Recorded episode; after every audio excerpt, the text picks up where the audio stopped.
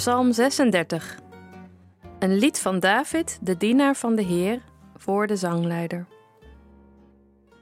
Slechte mensen horen de stem van het kwaad diep in hun hart.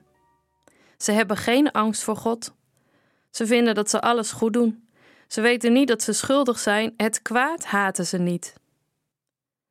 Ze vertellen alleen maar leugens, ze zeggen alleen maar slechte dingen, ze leven zonder verstand, goede dingen doen ze niet. Zelfs nachts maken ze slechte plannen.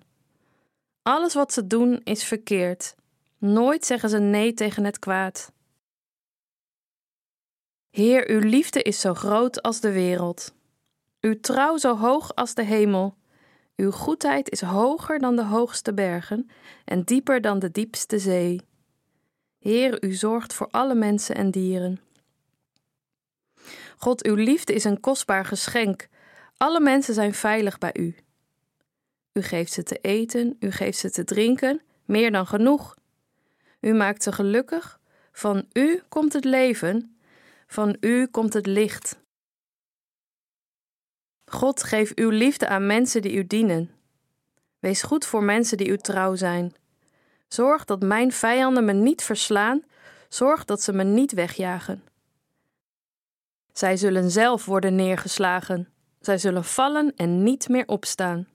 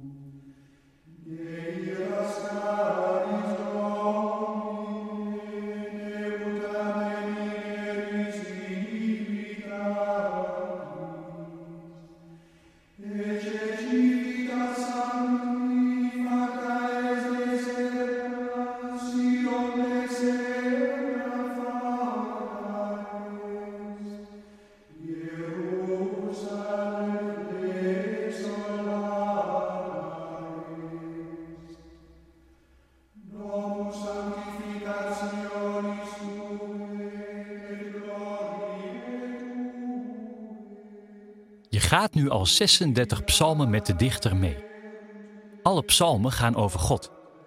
Niet hoe hij eruit ziet, niet wat God allemaal gedaan heeft, dat ook wel een beetje, maar de nadruk ligt tot nu toe op zijn karakter. Wie is hij? En waar kun je hem aan herkennen? Ik zeg voor het gemak even hij, maar zoek daar niet te veel achter, want wie in de psalmen over God spreekt, spreekt altijd in beelden. Maar goed, even terug naar dat karakter van God. In deze psalm worden ze zorgvuldig opgesomd, vanaf vers 6. Heer, zo staat er, uw liefde is zo groot als de wereld, uw trouw is zo hoog als de hemel. Uw goedheid is hoger dan de hoogste bergen en dieper dan de diepste zee. Heer, u zorgt voor alle mensen en dieren. Zie je de opsomming? Heer, uw liefde. Heer, uw trouw. Heer, uw goedheid. Heer, uw zorg voor mens en dier. En bedenk dan dat in plaats van goedheid, wat wel erg simpel vertaald is, eigenlijk ook gerechtigheid kan staan. Liefde, trouw, rechtvaardigheid, zorg. Het een kan ook niet zonder het ander. En dan heb je het ook niet meer over een God als een oorsprong of een bron, of zelfs een energie. Nee, dan krijgt deze God handen en voeten. En in deze psalm gaat het ook al lang niet meer om de vraag of ik geloof of niet geloof. Dit ben ik, zegt God. En wie voor mij kiest, kiest voor wat ik doe en waar ik voor sta.